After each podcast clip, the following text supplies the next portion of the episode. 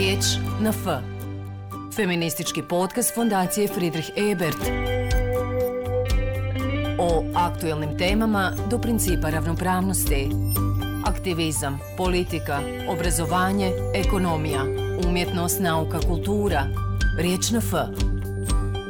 Feministički podcast Fondacije Friedrich Ebert. Mesem Džemila Zahirović, Bahtalot Marov, 8. mart. Svim mojim romkinjama. Riječ na F. Feministički podcast Fondacije Friedrich Ebert. Na romskom čestitke za 8. mart. Razgovor nastavljamo. Ona je Džemila Zahirović. Ugostila nas je u svom domu. Kroz prizmu 8. marta žensko iskustvo i ženska priča. Ili kako patrijarhat, postavljajući stroge hijerarhije, isključuje žene iz društva i u romskom naselju Gorica u Sarajevu.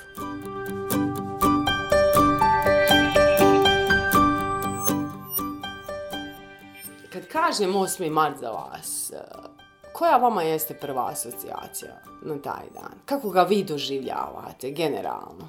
Osjećam se kao žena još više, a onda planiram kako kupovati poklone. Što se tiče nas žena, malo nas gdje ima. Mi žene smo izdvojene, ne znam zašto.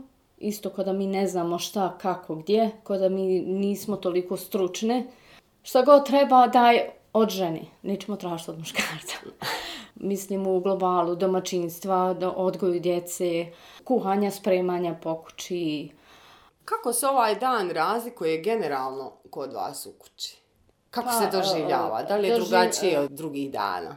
Pa eto, sve to što djeca dođu pa poklone donesu. A Međunarodni dan žena isto koji svaki drugi dan. Sve je to isto. Ništa nema neke sada uh, bolje neke promjene, nešto da se osjećamo najsigurnije i ono, svaki dan sam sigurna u svoju porodicu, svoje najmilije koji su tu uz mene i koji me podržavaju svemu.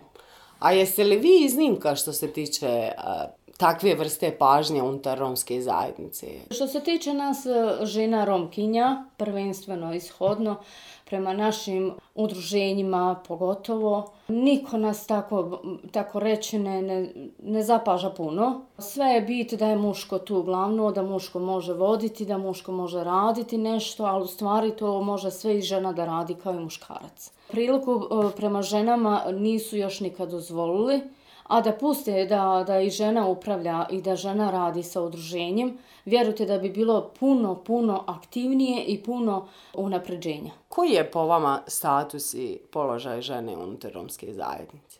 Pa- Da li ona ima jednak glas i pravo kao muškarac? Pa iskreno rečeno nema. Iskreno rečeno nema. Sve to mora biti kao muško, ja se pitam, ja to mogu, ja to znam. A, ona, a što se tiče ženskog roda i ženskog ovaj, vostva, to je rijetko, rijetko. Nema to.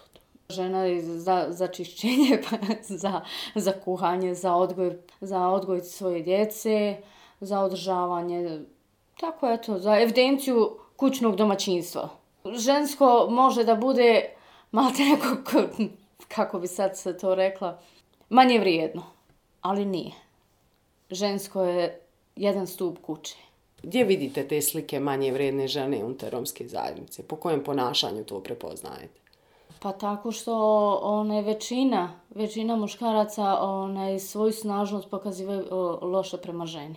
Od matletiranja, od... Jednostavno misle da, da to oni znaju, da su oni e, više vrijedni, da oni to mogu, a da žena nije sposobna za, za voditi nešto i da nešto može učiniti. Da nema pravo za svoje mišljenje. A svaka mi žena imamo argumenti da kažemo šta, kako, gdje i koliko. I znamo i mi da kažemo nešto što e, pametno. Nismo ni mi toliko zaostale. Da se razumijemo. Vi ste zaposleni. Da. Koliko je teško uopće ženi naći zaposlenje? Ženi Šta žene rade? kao romkinji jeste teško naći posao, ali e, većinom, većinom žene romkinje mogu biti samo higijeničarke. E, Džaba ti je sve što si ti završio školovanje, što imaš srednju školu, Evo ja primjer, lično sebe govorim, ja imam dvije škole završene, imam frizera, imam kozmetičar, ali ja sam higijeničar. A, nas žene romkinje smatraju da smo manje vrijedne i svi ostali, ne samo naša romska zajednica, i drugi nas smatraju da smo manje vrijedni, da nismo žene za posla, da mi nećemo kao Romi da radimo, da nismo adekvatni za toga posla, da smo mi neuke stranke, da smo mi nepismeni, da smo lopovi, da, da, u, uglavnom, sve ono što je negativno, oni to spakuju jedno onaj, od Roma, a u stvari ne, ne samo da su Romi kao Romi, ima nas više koji nisu Romi, pa i svašta rade ali ne, ne, nisu adekvatni niko, niti privrženi da, da ženu Romkinju iko zaposli. Vi ste isto teško našli posao? Da. Preko Ministarstva za ljudska prava i nacionalne manjine, uh, preko gospođe Salihe Đuderije, koja mi je pomogla i ovim putem se zahvaljujem stvarno. Uh, radimo u firmi Pokop. Genčarka sam tu i dobila sam ugovor na godinu dana, to je koje me ministarstvo plaća kao Evropska unija koja je izdvojila financijska sredstva za romsku populaciju da se mogu zaposliti da ima za obrazovanje, za ovaj zapošljavanje. zapošljavanje i za zdravstveno osiguranje. Znači ima i financijska sredstva koja su izdvojena za romsku populaciju. S tim da naši udruženja Rom, e, Roma nikad niko se nije angažovao da zaposli, da, da ide u firme, da se raspita koja će firma ras, raspisati koji oglas da primi par rom, romkinja striktno sada pričam samo za romkinje, nas e, žene koje možemo i znamo i vrijedimo i možemo da radimo. Nismo toliko zaostale, znamo i mi šta znači za poslice, znamo i mi da, da budemo i kulturne i da i vrijedne žene i možemo da radimo i da budemo poštene, onako kako i jesmo. Kako druge žene pronalaze zaposlenje? Prije one dobiju posao nego mi romkinje. Ja kad se pre, mi romkinje, kad se pojavimo tamo i kažemo da smo romkinje, oni imaju to, tu predrasudu da mi krademo, da mi nećemo da radimo, da mi smo žene koje smo prljave kao i u tom smislu nismo mi za posla. Tako da je nama ženama, romkinjama, jako teško. Imamo i gospođu iz Tuzle, ja mislim da jeste iz Tuzle, Indira. Indira, ona je jako kvalitetna žena, stvarno ona je toliko se bori za svoja prava žena, ona ima svoje udruženje tamo u Tuzli, jako je, jako je dobro i napreduje i radi, ali ovaj hoću da kažem da druge žene imaju više prioritet pri zapošljavanju nego mirovki. Dosta žena nema ni zdravstveno osiguranje. Kako se liječe žena unutar romske zajednice? Pa znate kako? Ako nema zdravstveno osiguranje, nećeš se ni liječiti ili preuzme od rodbine knjižicu, pa eto otiđe na pregled, ali ako nešto se sazna, to je onda velik problem. Ako nemaš zdravstveno, ti moraš sve da platiš. Platiti pregled, platiti ovo, platiti ono, ništa nemaš adekvatno da, da možeš da se rješava to kako treba, da to bude kao i svi ostali žena. Znači u očima uh, drugih ljudi smo mi romkinje malte ne zapostavljene, ko što jesmo, zapostavljeni dosta što se tiče pregleda, ženskih pregleda, ginekološki, onda abdomen, ono, ovaj, grudi. Malo ko hoće da, da, da posavjetuje romkinja, e, da, da kaže trebate doći, da bude neki besplatan pregled striktno za romkinje, ali imaju toliko problema, toliko, imate vi mladi e, majki koji su već preminule, ostale im djeca kod kuće. Ko će tu djecu sad hraniti? Samo otac je ostao nema nikoga. Zbog tih zdravstvenih tegoba i zbog zdravstvenih problema koji nisu imali zdravstvenu knjižicu pa su preminule. A ima toga koliko hoćete. Vi imate djecu, imate dvoje djece, oni idu u školu. Da, imam dvoje malodobne djece, imam djevojčicu, ona je drugi srednji, medicinska škola u KSC-u, fizioterapeut, a sin mi je osmi razred, osnovna škola Hasan Kikić. Vi odlučujete da školujete djecu. Da. Dosta Roma to ne radi. Pa to je problem jedan kod nas Roma, koji sam sad napomenula, zbog zaposlenja, zbog uslova koji Romi nemaju. Prilikom e, školovanja, to jest obrazovanja naše djece, je jako puno izdataka, jer imate u jednoj poroci najmanje od troje do petero od sedmero djece da djeca idu u školu. Roditelji ne rade nigdje i to je teško da bi oni mogli obrazovati svi ti sedmero do osmero djece. Sve zavisi koliko u jednoj porodici ide u školu. Većinom odustaju zbog toga što djeca dobiju jako ružne riječi od svojih kolega u školama. Prljav si, smrdiš, poderan si, neće da se druže sa romskom djecom, izdvajaju se, sklanjaju se po strani, onda su naša djeca dosta, dosta i utišena, sklone se po strani, neće da nikog smetaju, znači, ali što, što bi neko nastavio školovanje ako nema uslov, nema uslov za, za dalje, da, da, da školuje svoje djete. Ono što se isto veže, vi recite da li sam ja u pravu, jeste da se ženska djeca unutar romske zajednice vrlo brzo udaju. Da. Pa to je kao tradicija neka da bi se žensko dijete što prije trebalo udati, da ne to... Da ti napuste da, školu. Da, kad završi rećemo osam razreda, devet, ko što pošto sad ima devet, ovaj, devetogodišnja, neke se udavaju, neki nastavljaju svoje obrazovanje, što je bit. To je bilo prije, prije je bilo tako da, da se napuštalo i školovanje da bi se udalo ali većinom su sada svi se emancipovali da su sada nastavili sa svojim više obrazovanjem nego sa tim tradicijama da se mora udati, oženiti ili nešto u tom smislu. Ja mislim da je više onaj preče obrazovanje nego brak. To ste vi koji je možda i neki progresivni glas da. unutar ramske zajednice. Da. Međutim, šta je, ajmo pričati o ovim ženama koje nemaju tu vrstu svijesti, nemaju tu ni priliku da nauče od drugog, da nije im to jedina opcija. Zato što se nisu onaj, uključile u, u družbu sa ljudima. Žene, striktno romkinje, su zatvorene. Mislim zatvorene. U kućnom varijanti zatvorene. Da je oko kuće, da je oko porodice, da je oko djece. I onda su, on, on, nisu u tom kolektivu druženja da bi one znale da to ne treba da, da ranije udaje kćerku ili da ža, ranije žani sina i one su zatupljene u glavi, a to je običaj, to moramo da ispoštujemo, ako se ne oženi, neće ga niko ili neće niko. Zastarjela žena ili zastarjeli muškarac, to nema nigdje veze. Ima sve svoje vrijeme kače da se oženi, kače da se uda, da bi ono moglo da, da u životu proživi nešto. Ali žena romkinja koje nisu, nisu u, u, u društvu, nemaju pristup tim informacijama da bi one znale šta mogu, kako mogu da bi se drugačije obhodile prema svojoj djeci, da bi se drugačije ponašale prema sebi, pa prema djeci. I to je najveći problem. Što su žene zatvorene. Zatvorenog tipa kuće, prostora nekog gdje one samo gledaju u četiri zida, to je i amin, ništa drugo. Nemaju od koga naučiti? Nemaju, one moraju da se aktiviraju da bi one mogle nešto da, da poduzmu po svome pitanju. Mi kao romkenje, kad imamo neki sastanak, kad imamo nešto, kad zovemo nekoga da nam dođu na te sastanke, one kaže ja nemam vremena.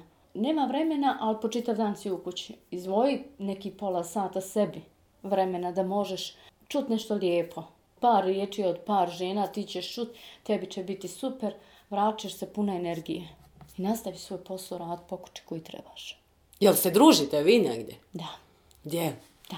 Ja sam ti često po gradu sa svojim čerkom izađem, pa imam svoje kolegice. Evo sad smo o, i kod Dalibora, aktivisti koji ima to svoj ovaj, radion za Rome, udruženja kao to. I tu smo uglavnom ovaj, sa njima smo i jako je lijepo drugačije se obhodiš i drugačije e, čuješ nekoliko informacija.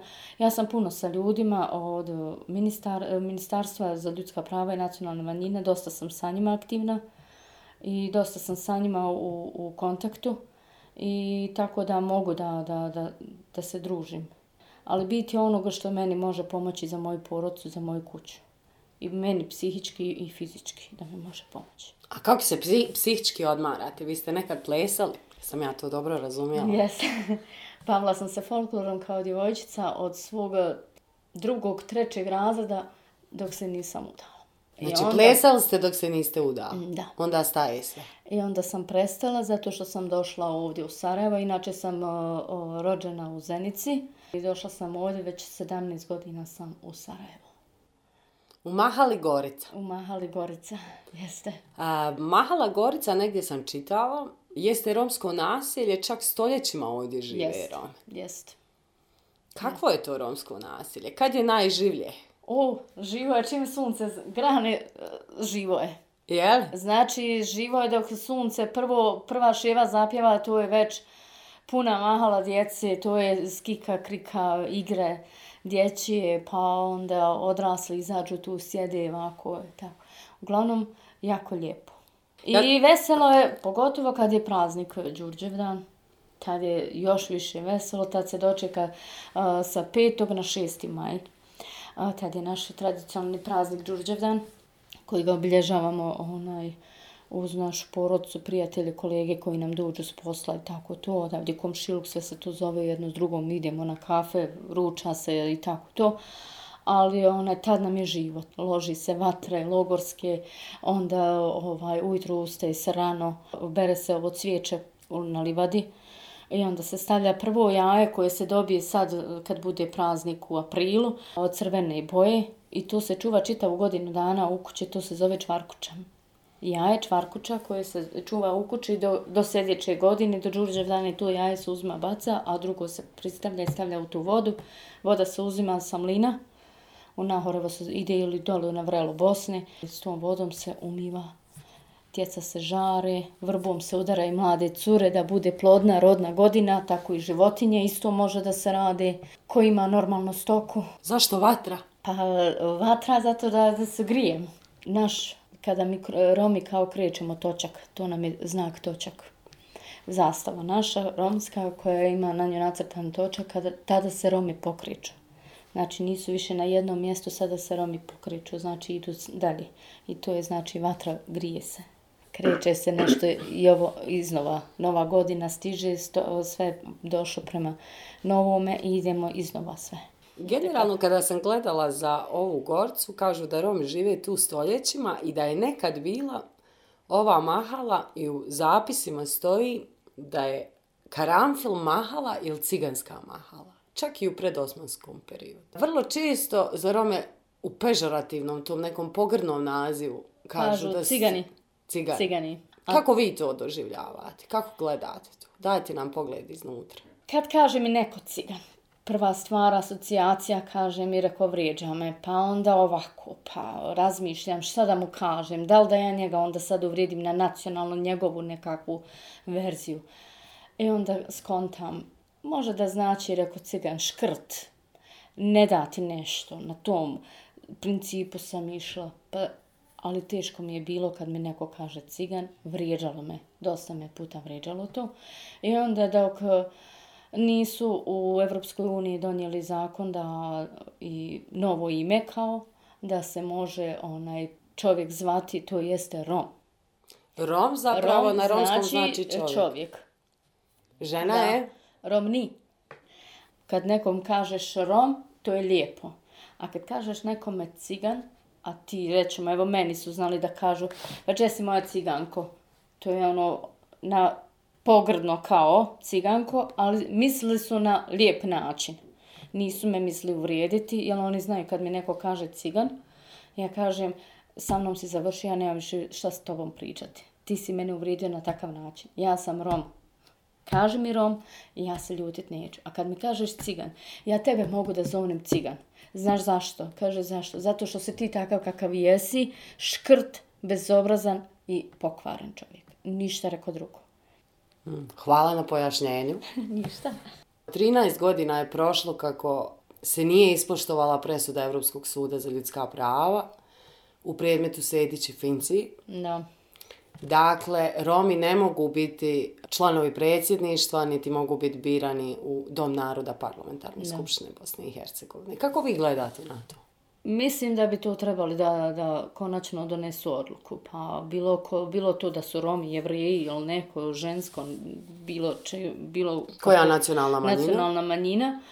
Kad mogu svi da se biraju i da se angažuju, zašto? Što misle da su toliko Romi nepismeni da, da, da nemaju školovanja?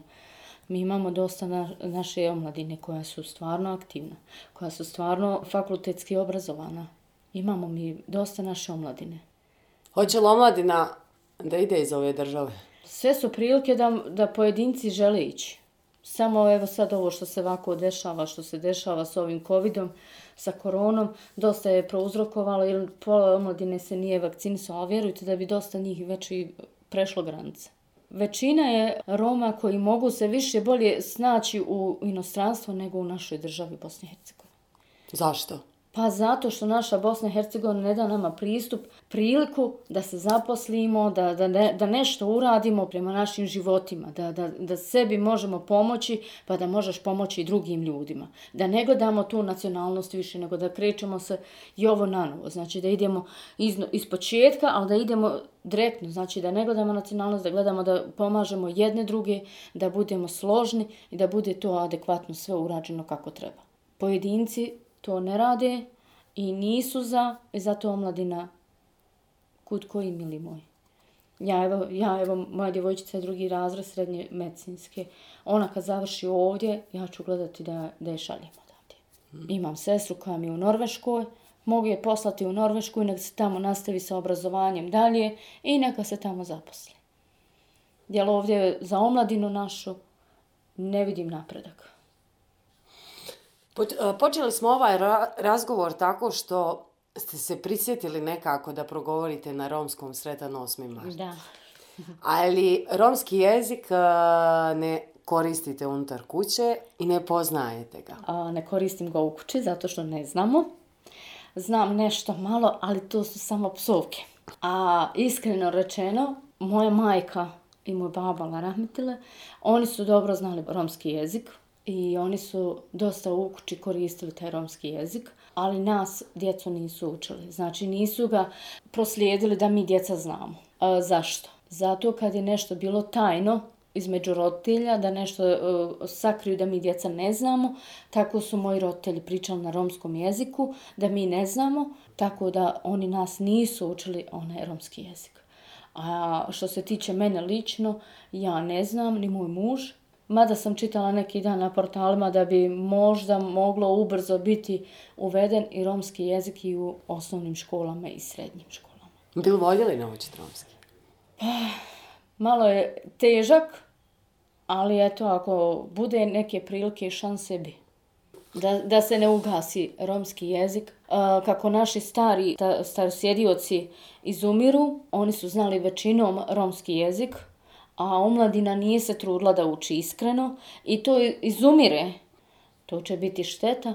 Kako ste koronu ovo prevolovali? Jeste li dobro bili? A, muž je prevolovo dva puta i djeca su bila pod covidom, a ja nisam. Bilo je malo zeznuto, ali eto. Opet smo mi nekako prošli, a, opet imamo neko, nešto ovako, borba je za život nasprem drugih Roma, kako nisu imali ništa, kako, kako je bilo teško. Nisu imali primanja nikakva, nisu imali hrane nikakve, nije bilo nikakve podjele za higijenu, za nešto tako. Bilo je dva puta. Dosta, dosta teško kako je ovo prouzrokovala COVID. Uh, inače, Romi često vole da rade, idu po pijacama. Ti, e, to im je život koji treba da rade da bi svoj porod uzdigle. Jedino to im je onaj hljeb koji zarade po pijacama bilo to auto pijaca, bilo to ciglane pijaca, bilo to mostar ili nešto, tako ljudi se bore onoliko koliko mogu da, da, da ne bi bilo puno prosjačenja, tako se bore i rade da bi izdržavali svoje porodce. Kako vi reagujete kad vidite nekog malog Roma ili dijete ili djevojčicu da prosi? Kako vi gledate na to? A, gledam jako teško. S tim što kad vidim to, prva, prva mi slika moje djece, kako moja djeca imaju, kako drugo djete nema. Onda prinudim to ovom djetetu, nešto, ne, ne, ne bi davala novce, nego vas da prodavnicu negdje kupim nešto da bi njemu dala da on to pojede. Jel imate većinu rotelja koji tjeraju maloljetnu djecu za, za naprosjačenje? I ono ne smije da kaže svome ocu, ne mogu ja, neću ja to, ja hoću da sjedim u kući, ono jedno ne smije ono mora izaći na ulicu, puhalo, padalo, grijalo, ono mora izaći na ulicu da njemu donese. Taj otac koji donese to dijete novac, taj otac uzme to, taj novac i on uzme to i potroši u alkohol. Takve osobe treba skloniti, a djecu oduzeti.